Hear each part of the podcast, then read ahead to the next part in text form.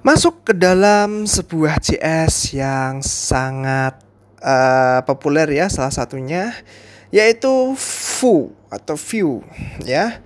Vue ini adalah salah satu JavaScript yang cukup digandrungi banyak developer. Mix secara otomatis akan menginstal plugin Bubble yang diperlukan untuk dukungan kompilasi komponen file tunggal milik Foo saat menggunakan metode Foo ini. Tidak diperlukan konfigurasi lebih lanjut.